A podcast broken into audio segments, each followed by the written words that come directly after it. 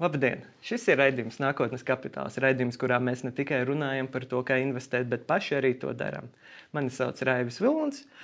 Konstantīns šodien nav studijā, bet mums pievienojas Seibankas ekonomists Dainis Gašpuitis.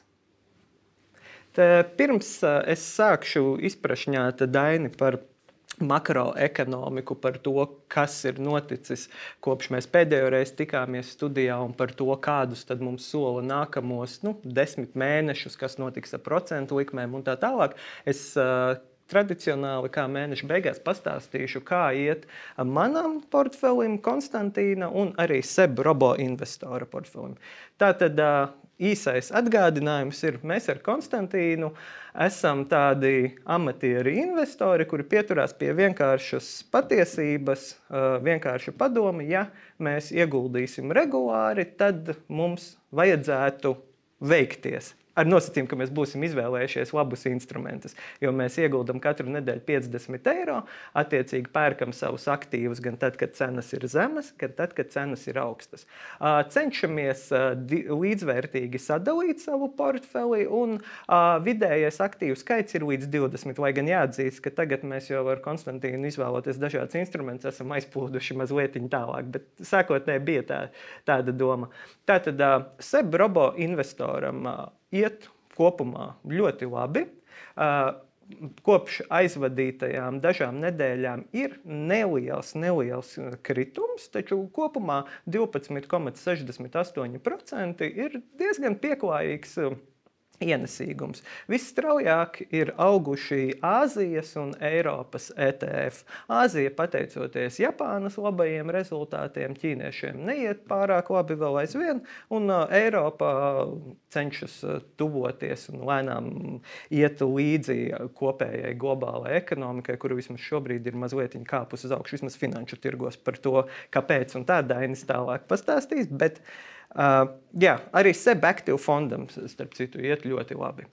Tā tad, uh, kā iet pašam Konstantīnam, tā kā Konstantīna nav studijā, tad es uh, atļaušos īsi pastāstīt.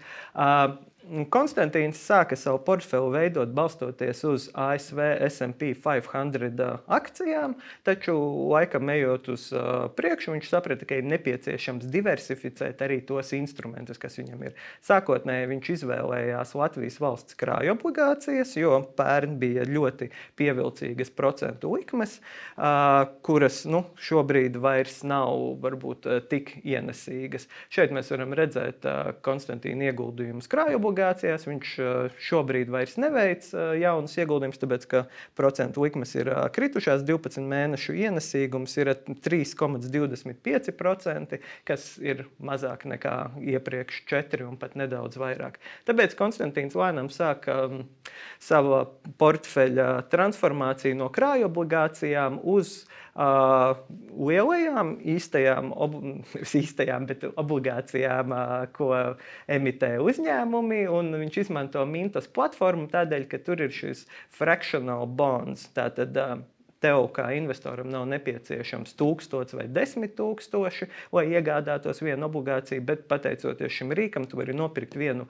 mazu daļu obligācijas. Tieši tāpat kā es to daru ar kriptovalūtām, un arī Konstantīns, izmantojot interaktīvu brokeris, ne, bieži vien nepērk pilnu akciju, bet gan daļu no akcijas. Tas ir mm, tāds labs. Uh, fintech pasaules eh, piedāvājums eh, finanšu tirgos, jo tad, attiecīgi, investori ar mazākām naudām var veidot diversificētāku portfeli. Um, Jā, Konstantīna portfeļa akciju ienesīgums ir diezgan līdzīgs SP 500 šobrīd. Tātad viņš turās līdzi, kas ir labā ziņa, tas ir pozitīvi. Tomēr jāatgādina, ka viņa mērķis ir pārsniegt vidējo tirgus atdevi, pārsniegt šos indeksus. Tātad, Attiecīgi, kā viņš jau ir iepriekš teicis, viņš piestrādā pie tā, lai viņa portfelis būtu mazliet diversificētāks un arī varbūt ienesīgāks. Um, jā, uh, kopumā no 16 akcijām uh, tikai 3 ir negatīvas, uh, nesa zaudējumus, kas ir ļoti labi uh, un uh, ļoti veiksmīgi. Un dividendžu ienesīgums arī Konstantīna portfelī mazliet uh, uzlabojas. Tālāk ir par Konstantīnu. Tagad uh, mazliet īsi par to, kā iet man. Uh, skatītājiem atgādināšu, ka mans portfels savukārt ir sadalīts trīs lielākās grupās. Ir Baltijas akcijas, uh, kriptovalūtas un tātad, uh, šīs pūļa finansēšanas peer-to-peer platformas. Un uh, ieguldīti man ir tāpat kā Konstantīnam 6300 eiro. Uh, un šeit jau jūs varat redzēt manu ienesīgumu. Tā tad ir diezgan laba peļņa, gandrīz jau tūkstots plusā. Kāpēc? Kāpēc tā? Re, kur šeit var arī redzēt, pamatā manu portfeli iznes kriptovalūtas.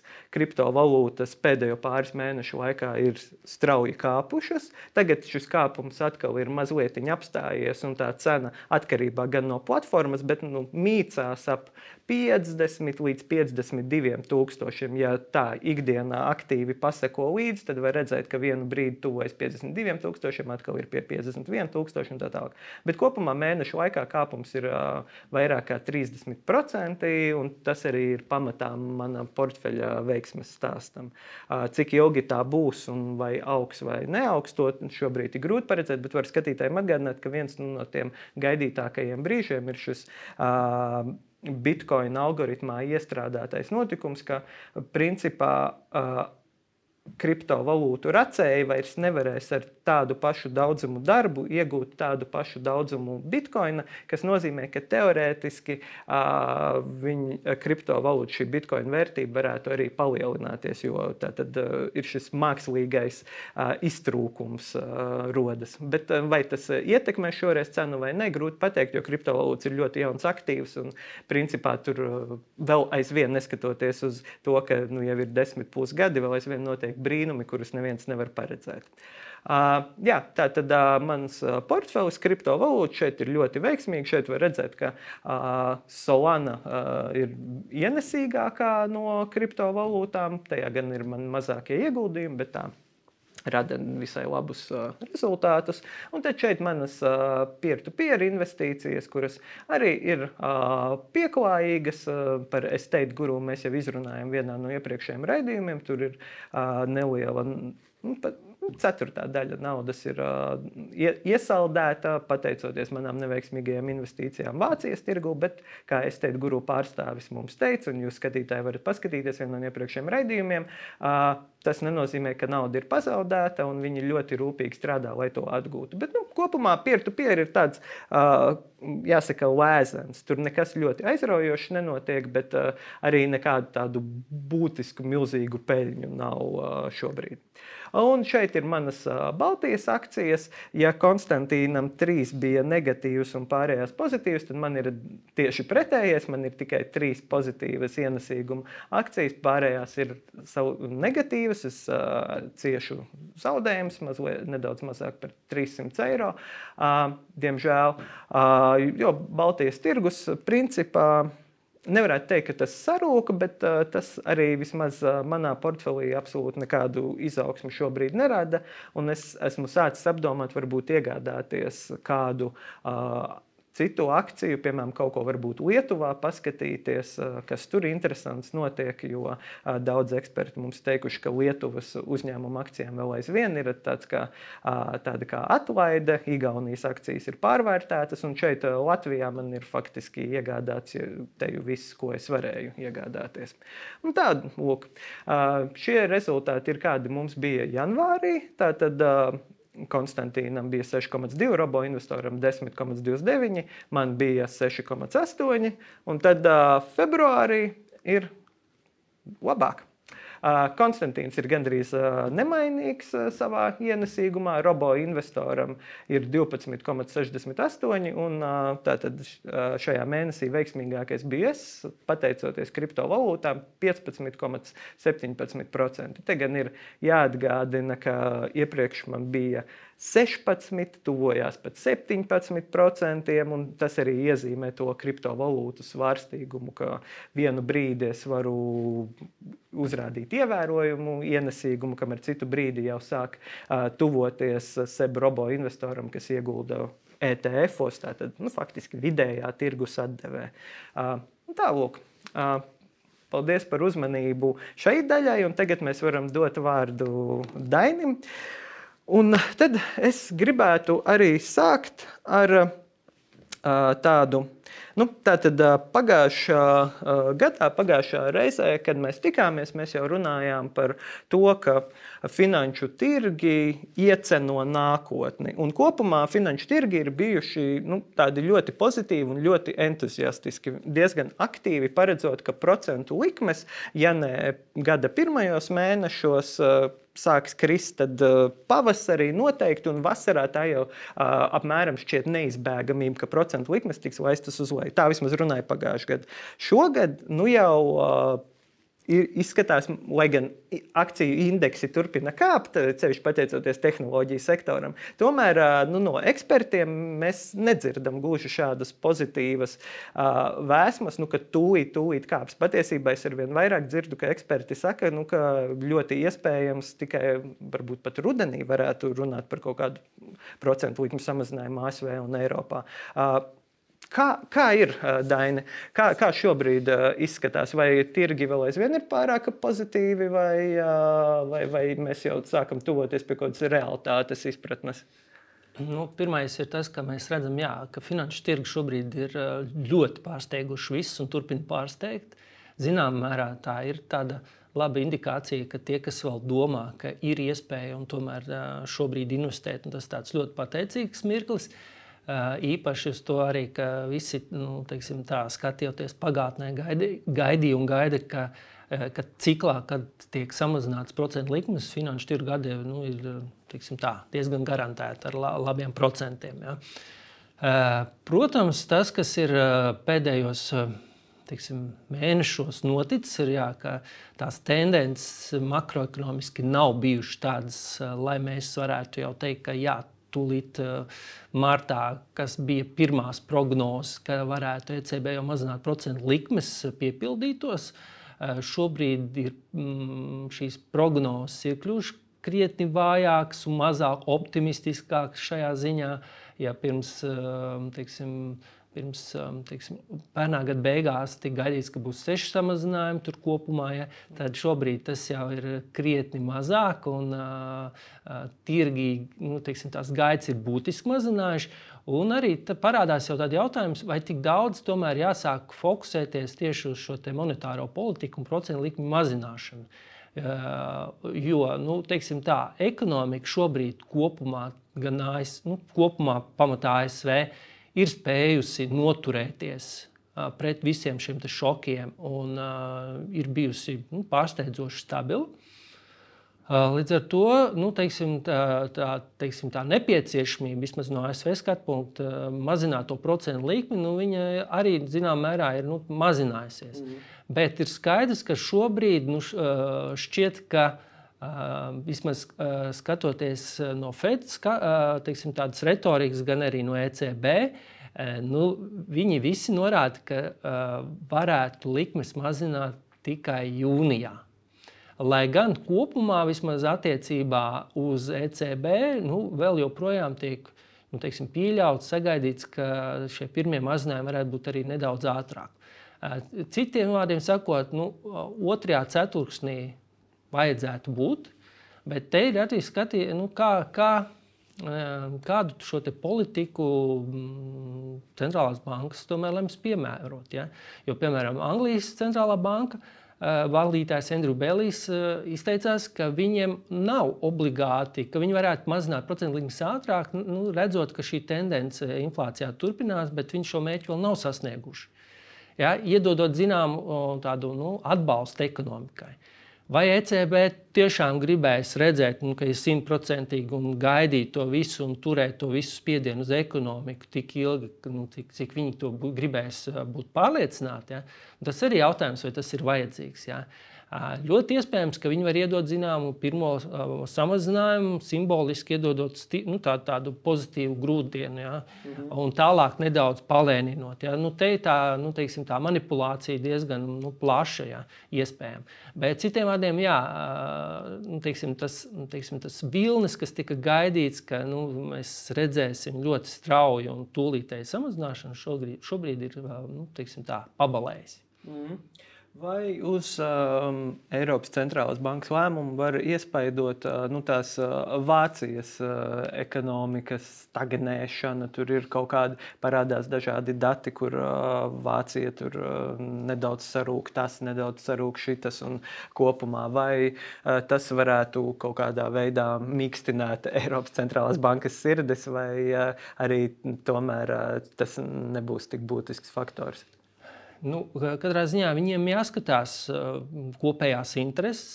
Teiksim, te ir tas stāsts, kā viņi redz tās kopējās intereses. Ja? Jo ir skaidrs, ka neliels atspējs un, un, un tāds solis šajā virzienā, manā skatījumā, nāktu drīzāk par labu. Viņi ir pateikuši, ka nu, teiksim, šie paziņojumi norāda, ka viņi negrib steigties ar, ar tādām pirmslaicīgām indikācijām, ko viņi darīs.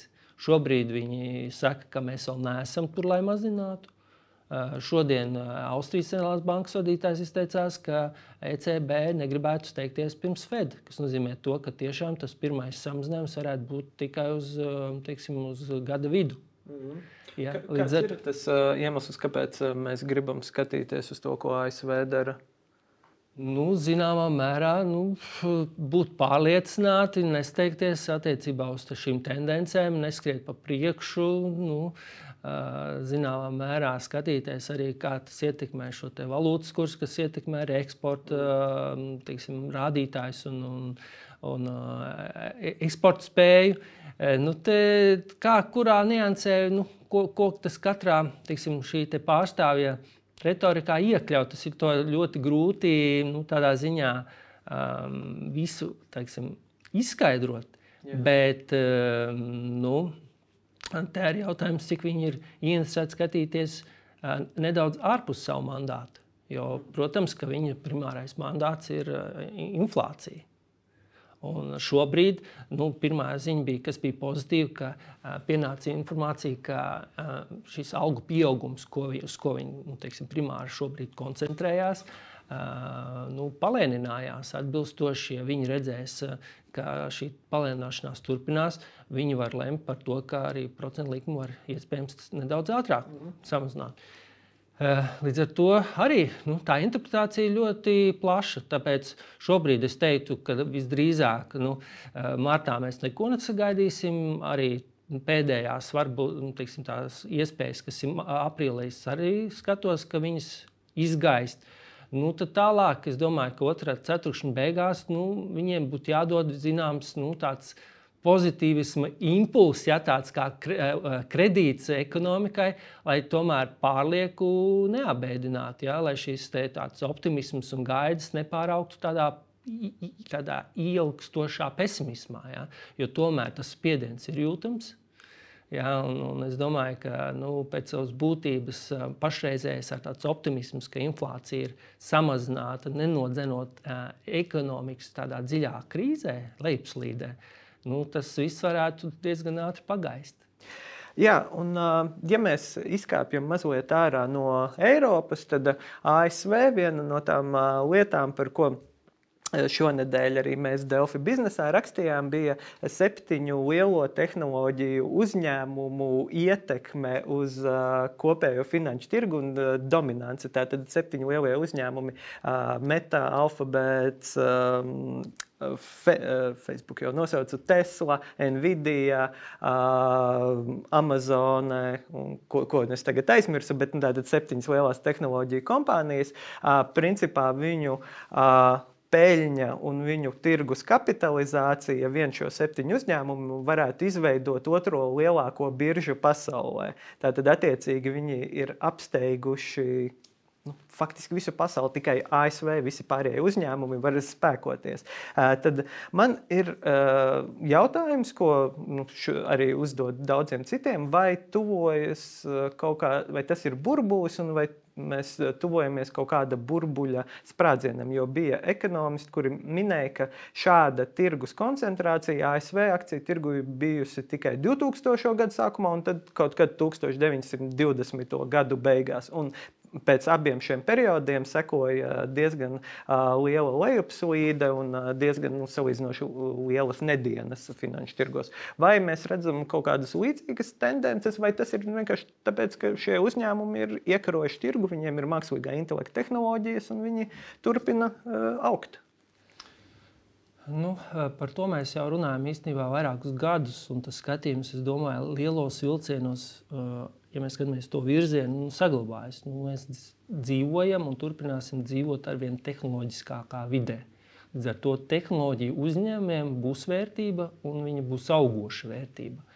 Eh, jautājums ir uh, tikai eh, periodiski, kurā mirklī nu, teiksim, tas pieaugums nedaudz apsteidz laiku, ja, kur nedaudz par daudz, nu, tad notiek korekcija, tad kamēr atkal tas viss pielāgojās, attīstās un atkal aiziet. Uh, Mēs piedzīvojām, nu, tā, nu, pirms kāda laika tehnoloģijām bija diezgan būtisks kritums. Jā, mēs mm. tur, tur varēja diezgan labi lēti iepirkties. Es arī skatījos, Nvidia bija ļoti lēti. Tur varēja, un šobrīd, eh, uz, izdarot pareizos secinājumus, eh, šobrīd varētu būt eh, krietni lielos plusos. Un, skatoties šobrīd, protams, tas uzsvars, un kas ir virzījis, ir mākslīgais intelekts. Eh, protams, mēs vēl eh, tās gaidas, kas virza to izaugsmu, ir tas, ka tas sniegs ļoti būtisku produktivitātes pieaugumu. Eh, viņš veido un veidosies, cik lielā mērā un kāda būs tā reāla atdeve. Šobrīd es teiktu, vēl mēs varam tā zināmā mērā zīmēt. Ja? Jo tas potenciāls ir nojaušams, redzams. Cik viņš materializēsies, ir grūti pateikt. Tādēļ arī es domāju, vēl kādu laiku tas burbulis varētu pūsties. Eh, ja tur izzudīs segums, un mēs redzēsim, ka tādēļ īsti neveidojās tāds, kāds ir tur, tad, protams, sekos korekcijas. Bet es domāju, ka tādā tuvākā laikā, nu, zinām, tāda, nu, teiksim, tāda virzīšanās šajā virzienā būs. Jo nu, mēs redzam, ka arī šī ģeopolitiskā nu, teiksim, sāncensība arī liek pastiprināt šo investīciju šajās jomās, kas nozīmē to, ka tehnoloģijas būs. Visa veida pielietojamība tehnoloģijas būs tās, tā, tā, tas virziens, kas e, piesaistīs investīcijas un potenciāli arī vismaz tuvākā laikā arī sniegs atdevi investoriem. Mm. Jā. Jautājums, pēc cik ilga laika tā korekcija būs? Es domāju, zināmā mērā pēc jebkura laika, pēc tāda uh, uzrāvienu, un, protams, nāks kaut kāda revīzija. Ja? Nāks revīzija, un tiks konstatēts, kas, kas ir sev, sev atpelnījis, kas nav. Uh, bet es domāju, vēl, vēl, vēl ir iespēja ielikt. Uh, cik daudz, uh, nu, teikt, protams, jo ilgāk tas viss iet, jo mazāk teikt, no visu, kas ir likt, likt jā, tur jābūt arvien piesardzīgākam skatoties. Bet es domāju, tās tehnoloģija virziens, tas ir, tāds, nu, jā, tas ir mūsu nākotne. Jā, jā. Nē, tas ir interesanti. Un, uh, man, piemēram, interesants liekas uh, tas sadalījums, ka patiesībā uz šiem septiņiem uzņēmumiem skatīties kā uz ļoti līdzīgiem, jā, tehnoloģiju sektors, jā, mākslīgais intelekts un tā, bet pēc tam viņi ir diezgan atšķirīgi savā ziņā.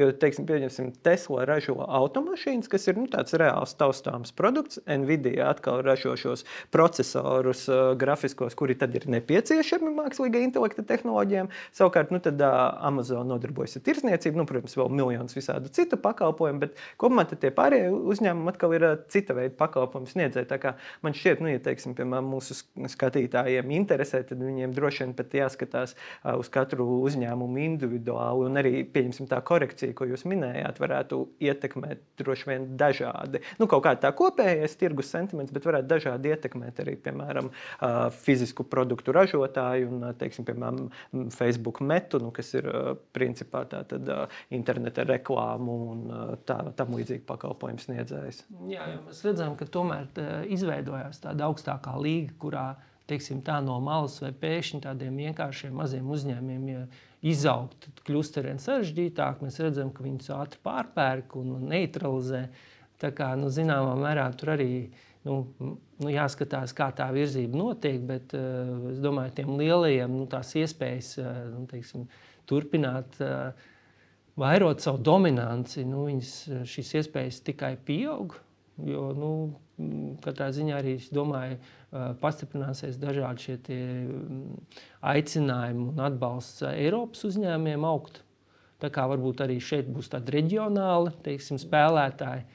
Bet, jā, nu, katrā ziņā šis, ir tā, šis ir tas virziens, kurā nu, ir vērts interesēties, ja teiksim, ieguldīt. Ja. Protams, pie, pie, pie tā, ka mēs visticamāk neatgriezīsimies, ka ka būs tik lēta nauda, kā bija pirms salīdzinoši neilga laika. Tad, protams, arī nu, ne visi projekti nu, tā aizies kā, kā vienā brīdī, kad jebkurš startups, jebkura lieta aiziet tā brīvi. Ja. Nu, es domāju, tur zinām tāda arī revīzija būs, ka šis periods arī daudzas investīciju jomas paretinās ko mēs arī redzam šobrīd, daudz startupi, un arī mēs dzirdam arī te pašā ASV, ka nu, mazinās investīcija ieplūdes daudzos arī šīs silīcija ielā, daudzos šajos projektos, jo vienkārši naudas, nauda kļūst dārgāka. Investori sāk jau vērtīt, kur guldīt, kur nē, cik ir daudz sološu un tā tālāk. Tāpēc varbūt arī nu, viena otra ideja, kas šobrīd vēl nu, skaitās daudz sološu, arī, varbūt arī pagaisīs, jo vienkārši nu, nespēs sev teiksim, parādīt to konkrēto atdevi pirms viņa teiksim, nu, investori gribēs jau redzēt konkrētu atdevi. Tā kā nu, jā, kaut kādas revīzijas, es domāju, vēl turpināsies. Mm. Jūs pieminējāt to Eiropas jautājumu, vai Eiropā varētu parādīties nu, kādi nu, ja nopietni konkurenti šiem milžiem, bet nu, vismaz kaut kādi. Tāpēc, ka nu, jā, Eiropā cevišķi kopš Krievijas iebrukuma Ukrajinā, bet arī jau iepriekš saistībā ar Donalda Trumpa politiku un tā tālāk, nu, tiek runāts par to, ka nu, mums vajag šeit būvēt savas rūpnīcas, piemēram, pusvadītāju radīšanai, mums vajag savus vairāk augsto tehnoloģiju uzņēmums. Vai šeit varētu potenciāli rasties kaut kādi nopietni konkurenti? Nu, katrā ziņā redzam, ka ir centieni. Bet, nu, tā, lai tie uzreiz kļūtu par tādiem globāliem konkurentiem, pašreizējiem tādiem globāliem līderiem, nu, šobrīd īsti ļoti grūti, jo nu, tomēr Eiropa joprojām ļoti sadrumstalota. Nu, mēs redzam, ka tur ir atsevišķi centieni no Zviedru grupas ražot šos akumulatorus un tā tālāk. Mēs redzam, ka arī Eiropa diezgan daudz šos miljardus izdarīja, lai attīstītu šos mikroshēmu ražotnē un tā tālāk. Nu, es domāju, ka tur atdeva būs. Un, zinām, mērā tas virziens būs, bet nu, teiksim, tā, lai mēs tagad runātu par kaut kādu teiksim, Apple vai tur, nezinu, ko mēs tur esam pieraduši redzēt, ASV kompāniju, tāds Eiropas dubultnieks izceltos. Es domāju, drīzāk to mēs tuvākā laikā neredzēsim. Bet nu, tāda reģiona teiksim, tāda spēlētāja pamazām, es domāju, varētu parādīties. Mm -hmm, mm. Jā, un tad, nu, tad no ASV un Eiropas uh, ejam uz Baltiju un uz Latviju. Uh, Mēs jūs ieskicējāt, kas notiek Eiropā, kas notiek ASV. Nu, kā, kāds mūsu mazais pasaules stūrītis izskatās šobrīd un ko mums sola nākotne? Nu, katrā ziņā mēs varētu teikt, ka kaut kāds zināms zemākais punkts varētu būt sasniegts, un tomēr šī gada perspektīva rāda, ka ekonomiskā aktivitāte varētu sākt uzlaboties. Uh, nedaudz optimistiskāks uh, skatījums ir attiecībā uz Lietuvu un Latviju. Igaunijā tur tiek sagaidīts, ka gads kopumā būs vēl ar mīnuszīmī. Tas Trešo... ir saistīts ar Skandināvijas problēmām? Jā, īpaši tāpēc, ka Igaunija ir vairāk teiksim, atkarīga no eksporta tirgiem, kas ir Ziemeļvalstis. valstis. Tā skaitā arī Vācija, nu, teiksim, specifiski arī ar to, ka viņiem uh, arī teiksim, tas um, procentu likmes sloks ir uh, ietekmē vairāk, un, un, un, un, un arī pirktspēja tur. Teiksim, šo te augsto inflāciju mājasemniecības tādēļ izjūta daudz smagāk. Līdz ar to tur vēl šogad sagaida nelielu, bet ekonomisku kritumu.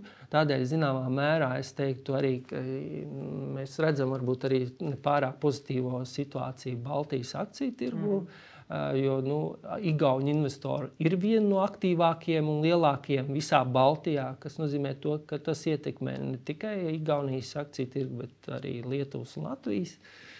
Uh, bet nu, pamazām nu, es domāju, ka uz gadu otro pusi tai situācijai stabilizēties ar Eiropai un arī Eiropā un arī Ziemeļvalstīs, arī Igaunijā vajadzētu pamazām sākt stabilizēties, jo inflācija tomēr visā Baltijā šobrīd ir uh, salīdzinoši jau zema. Uh, kas nozīmē to, ka algu pieaugums jau apsteidz inflāciju, ka pirktspēja sāk uzlaboties. Protams, tas paies laiks, lai mēs redzētu tādā patēriņa pieaugumā, bet tas nu, teiksim, mēnešiem ejot nostiprināsies. Līdz ar to es domāju, ka arī attiecībā uz investīcijām investori Baltijā varētu kļūt nedaudz aktīvāki arī uz gadu otru pusi. Ja tiksim, kopumā mēs ne, nepiedzīvosim kādus atkal jaunus um, tiksim, satricinājumus, ja, ko grūti šobrīd prognozēt, kāds, bet uh, nu, tā virzība tomēr norāda, ka uh, mēs lēnām ejam uz tādu, tiksim, tādu uh, mērenu, bet atkopšanos, ja, izaugsme atgriezīsies. Mm -hmm. Jā, un teiksim, kā, kā ir viena no lietām, par ko mēs pagājušajā gadā arī runājām, ir nodarbinātības dati. Tad, kā, kā šobrīd izskatās ar to un kā tas ietekmē Jā, mūsu? Nu, katrā ziņā, mm, ja mēs, mēs gada beigās redzējām, ka bezdarbs turpināja pieaugt, visticamāk, ka neliels bezdarba pieaugums varētu turpināties arī šā gada sākumā. Bet, tas ir saistīts ar sezonāliem nu, darbiem, gan, vai ar inflāciju un to, ka gan tas, ka sezonālajie darbi beidzās, gan arī tomēr mēs redzam, ka ekonomiskā aktivitāte nu, bija diezgan zema, krītoša, ja skatāmies atsevišķus ceturkšņus. Un, protams, ka Mēs redzam, ka sektoriem tur diezgan liela izaicinājuma vēl priekšā, piemēram, tajā pašā tranzītā. Tur, kas attiecās arī attiecībās ar Krieviju, tur nekādas perspektīvas īsti nav. Ja? Tā kā ir daudz, daudz sektori, kur šī situācija ir pietiekami izaicinoša, un arī attiecībā uz eksportu mēs redzam, ka viss pērnais gads pagāja kritumā. Uh, kas nozīmē to, ka uz arī uz eksporta orientētiem sektoriem šī atgūšanās ir gaidāma, bet viņa nebūs strauja. Ja.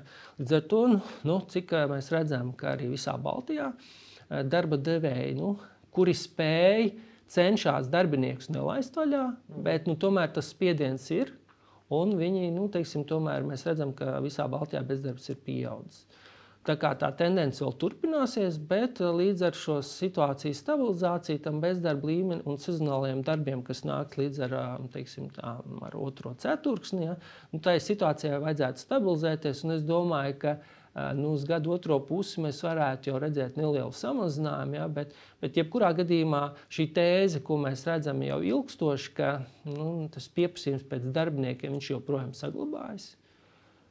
Uh, un arī šī pasliktināšanās, kas ir redzama, ir nu, ļoti mērena un neliela. Ja, kas nozīmē, to, ka nu, tādas plašas teiksim, sociālas problēmas tas neradīs. Līdz ar to nu, arī tas arī, nu, teiksim, neradīs tādas grūtības ekonomikai sākt atgūties. Ja, jo, protams, ka um, pieaugušs bezdarbs nu, sarežģīja gan patēriņa pieaugumu, gan tā tālāk, ja kopumā situācija bet eh, nu, šis pieaugums nav būtisks, tad eh, nu, katrā ziņā tas, eh, šī stabilizācija attiecībā uz darba tirgu arī nozīmēs to, ka ekonomikai būs labāks pamats atgūties.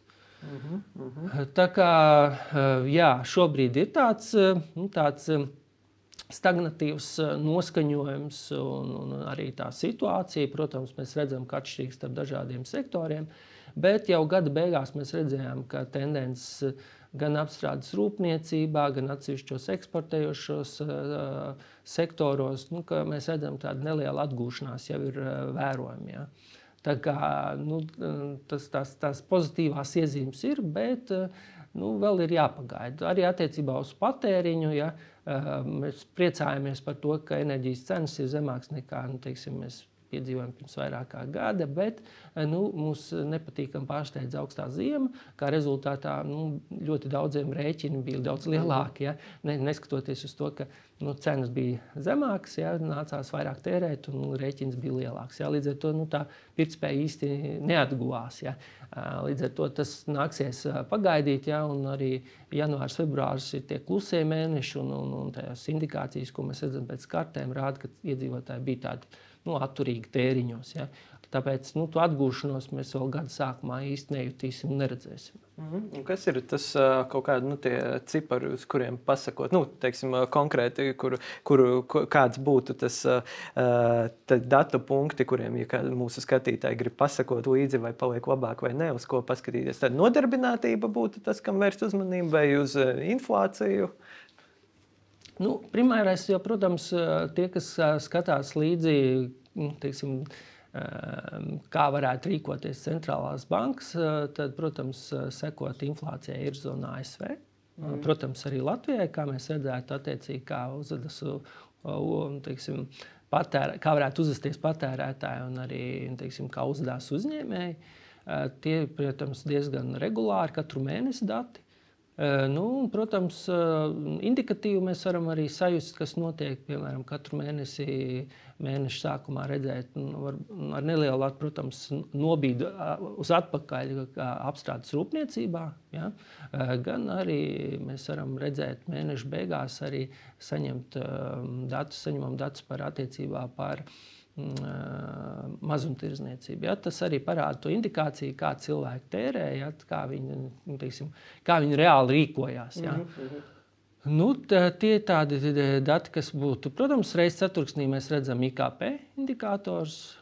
Tā kā, nu, teiksim tā, Iejot CSP mājaslapā, atlasot teiksim, kaut tādu lietu kā preses relīze, tur ir grafiks, kur cilvēks var aptuveni apskatīties kalendārā diezgan pārskatām, kurā datumā redzēt. Bet, nu, ja seko līdzi mēdījiem, tad diezgan aktīvi arī tās pamatlietas jau izskan arī publiski. -hmm. Jā. Tad skatītāji lasiet manu un kolēģa darbu. Bet vēl ko es gribēju pavaicāt, mēs jau pieskārāmies Baltijas tirgiem un tiem nu, Igaunijas investori. Tā tad ir nu, bijuši tie aktīvākie, un nu, mēs zinām, ka Baltijas tirgu lielu daļu tiešām veido arī individuālie investori, tā sauktie retail vai nu, amatieri vai nu, vienalga, kā mēs to saucam. Un tad nu, arī iepriekš ir runāts par to, ka Latvijā mēs pamatīgi atpaliekam gan kā investori, gan arī nu, mūsu tirgus uzņēmumu kotēto kapitalizāciju. Arī vienkārši nu, paskatoties, ieejot biržas sarakstā, var redzēt, cik uzņēmumu ir no Latvijas un cik uzņēmumu, piemēram, ir no Lietuvas un Igaunijas kotēta biržā. Un tagad nu, jau tuvu gadam, principā Finanšu ministrija un arī valdība aktīvi komunicē, ka viņi grib šo lietu mainīt. Nu, viņi grib aktivizēt, jo ir šie desmit miljardi ir kontos stāv, kas neko nedara cilvēkiem, plus mīnus. Un, nu, viņi grib, lai šie desmit miljardi strādātu Latvijas ekonomikas labā. Tad ir tas mērķis virzīt kapitāla sabiedrības uz biržu pašvaldības un arī valsts kaut kādas kapitāla sabiedrības. Un es gribēju paprasīt, ko jūs domājat par šo plānu. Nu, teiksim, ja viņš uh, neiebuksēs kaut kādu politisku lēmumu dēļ vai kādu citu problēmu dēļ, vai tas uh, varētu mums uh, palīdzēt sasniegt nu, vismaz mūsu tuvākos kaimiņus, ja ne Eiropu, ka, piemēram, nu, tas pats Air Baltics nokļūtu biržā, nu, tas gan būtu dual listings kaut kur ārzemēs vai nu, kādi citi mazāki uzņēmumi. Nu, Pirmais, ja paskatāmies varbūt tādu senāku teiksim, pagātni, tad jā, es arī biju nedaudz skeptisks tādā ziņā, ka nu, bija tā, ka lai ko darītu teiksim, publiska saistībā ar privatizāciju, nu, vienmēr tur izlīd kā dāža kāja, ka tur kaut kas nebija godīgi. Ja? Līdz ar to bija tāda sajūta vienā brīdī, ka nu, labāk lai neko nedara. Jo nu, pēc tam nu, teiksim, to, tās visas korupcijas schēmas un viss tas, tur, tas, kas tur pēc tam atklājās, nu, rādīja, ka tiešām varbūt labāk nedarīt. Šobrīd man īsti tādas uh, bažas vai tiksim, īsti nav. Es domāju, ka mēs to varam izdarīt pilnīgi atklāti un uh, neradot nekādu šādu veidu uh, tiksim, kaut kādas aizdomas, ja, ka tas ir darāms. Uh, manā skatījumā šobrīd arī tas plāns, kas jau bija pieteikts, un šobrīd parādās, kas tur varētu būt, arī jau ir pārāk revidēts, lai es teiktu, ka tas ir pārāk piesardzīgs. Tur izskatās, ka tas nu, jau arī īsti neizskatās. Ka, nu, um, Tas būtu tas optimālākais. Ja citiem vārdiem sakot, ir jālaiž visi tie lielākie uzņēmumi, kuri šobrīd mums ir. Ja mēs aizlaistu biržā, piemēram, jebkuru šo lielo uzņēmumu, par kuriem mums nu, šobrīd ir nolikti malā, pieņemsim, tie 25% biržā. Tie paši mūsu pensiju fondi iegādātos, tie mēs kā visi kļūtu kā daļa no īpašniekiem, un tas vairotu, mēs būtu paši ieguldījuši savā, savā valstī, savā attīstībā, kas arī nest mums atdevi tādā, tādā nākotnē. Un būtisks aspekts, kāpēc viss saka, ka nu, rastos bažas, ka kāds kaut ko pārņemt vai kā. Nu, piemēram, vai jūs skatītāji zinat, ka ik viens no jums var kļūt par īpašnieku Beļģijas, Šveices, Grieķijas vai Japānas centrālajā bankā? Jūs varat iegādāties šo centrālo banku akcijas. Vai jums iegādājoties šādas akcijas, piemēram, vai jums, tiksim tā, Līdz šim ir bijušas vai kaut ar ausu galu dzirdētas bažas, vai tajā pašā Eirozonā, ka, piemēram, Beļģijas banka vai Grieķijas banka ir neusticams, tāpēc, ka viņām ir teiksim, kotējas akcijas teiksim, biržā. Vai ir kādreiz bijis kaut kāda veida bažas, vai kaut kas tāds bijis? Tas nav bijis. Līdz ar to, te, piemēram, arī neviens neapšauba pašas Šveices bankas spēju īstenot kaut kādu savu monetāro politiku. Līdz ar to, to spējot izdarīt, ja to izdara pareizi, tam absolūti nav nekāda saistība. Te drīzāk ir par tādu politisko maždūšību, un es redzu, ka tā, protams, zināmā mērā ir uh, kaut kāda politiskās kontrolas zaudēšana un cita veida teiksim, argumenti, nekā skatoties varbūt no tādas sabiedrības un ekonomikas ilgtermiņa attīstības perspektīvas. Tā kā es domāju, tajā ambīcijā es ceru, ka tas beidzot aizvirzīsies uz priekšu. Nu, labi, ja tas būtu tajā pieteiktajā apmērā, bet es domāju, jābūt ambiciozākiem. Ja? Tādā ziņā, ka nu, mēs redzam, ka Igauni jau, jau ir nākamajā līmenī, ka viņi taisās laist jau tur lielākos uzņēmumus, jau praktiski visus. Ja, tur. mm -hmm. Kas nozīmē to, ka viņi šos riskus neredz. Un vēlreiz, tas nenozīmē pilnīgi šo te, teiksim, privatizāciju. Tas nozīmē tikai daļu, kur uzņēmums tik un tās un valsts saglabā šo strateģisko kontroli. Un vēl piebilstot, ka bieži vien arī mums šobrīd mēs uh, publiski dzīvojam tādā bieži vien aplamā retorikā, runājot par uzņēmumiem, ka mēs, ja pajautātu cilvēkiem, kam tad īsti tas uzņēmums pieder, kurš kontrolē, ja, šobrīd pārvalde, ja, nu, bieži vien sabiedrībai, nu, teiksim, teiksim, vairāk man nebūtu priekšstats. Ja, tā kā ilgu laiku vēl Krājbanka šķita līdz bankrotam, ka tā ir teiksim, valsts mm. banka. Ja. Tāpat varētu pajautāt, vai cilvēki zina, teiksim, kāds ir akcionāru teiksim, sadalījums tajā pašā TET. Ja un tā tālāk, kas nozīmē to, ka uzņēmums var attīstīties un attīstās, nu, teiksim, ja šo sadalu, nu, teiksim, ja akcionāriem ir reāli interese uzņēmumu attīstīt, viņš attīstīsies. Ja. Un šajā gadījumā, ja mēs publiski, ik viens, kas grib, varam kļūt par īpašniekiem, tad tas nekādā ziņā, nu, teiksim, neietekmē šī uzņēmuma attīstības plānus. Tā kā es domāju, eh, tam ir jābūt trāvienam, jo mēs to visu muļājam pārlieku ilgi. Mm -hmm. Tad jūs domājat, nu, ka kaut kāda daļa no tiem desmit miljardiem varētu nonākt, nu, ja šis notiktu, ka, proti, ka sabiedrība gribētu ieguldīt šajos mūsu zināmajos zīmolos Jā, un domāju, vārdos. Tas būtu, tas, tas būtu noteikti tāds stimuls. Protams, es, tur būtu ļoti aktīvi jāiesaista sabiedrības nu, teiksim, uzmanība, lai viņi to izdarītu.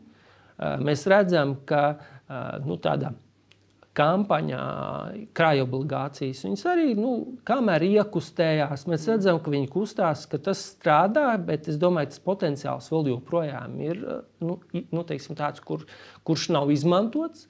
Es domāju, ka ļoti liela daļa sabiedrības to neizmantotu. Tādēļ, protams, ka tur iesaistītos pensiju fondu un tā tālāk, kas, kas būtu arī daļa no šīs iespējas mums izvietot savu naudu savos eh, tādos uzņēmumos. Ja? Tā kā mēs pat varbūt tie, kas nenopirkt šīs eh, akcijas tieši, ja? viņi netieši nu, teiksim, pelnītu, teiksim, pensiju fondu pelnītu mums eh, šo pensijas kapitālu. Ja? Un, un katrā ziņā tas uzlabot arī nu, teiksim, tādu jā, pievilcību šeit, kapitāla ap, apritē. Ja?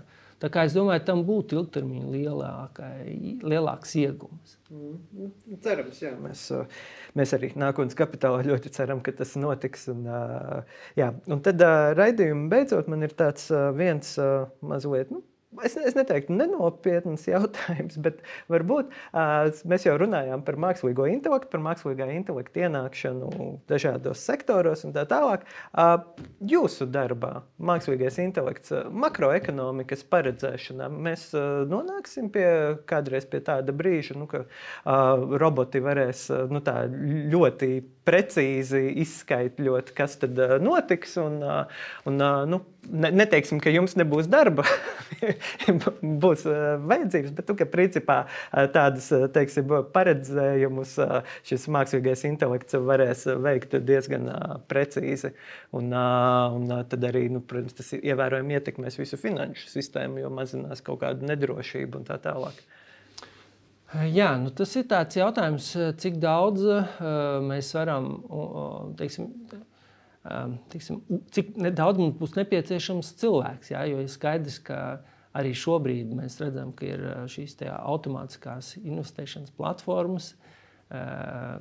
Cilvēku darbs kļūst dārgāks. Jautājums, cik daudz mēs esam gatavi nu, teiksim, mm, ticēt tam, ko arī ražo teiksim, dators, nu, tas ir praktiski, es domāju, ka tur tā robeža kļūs arvien grūtāk novelkama.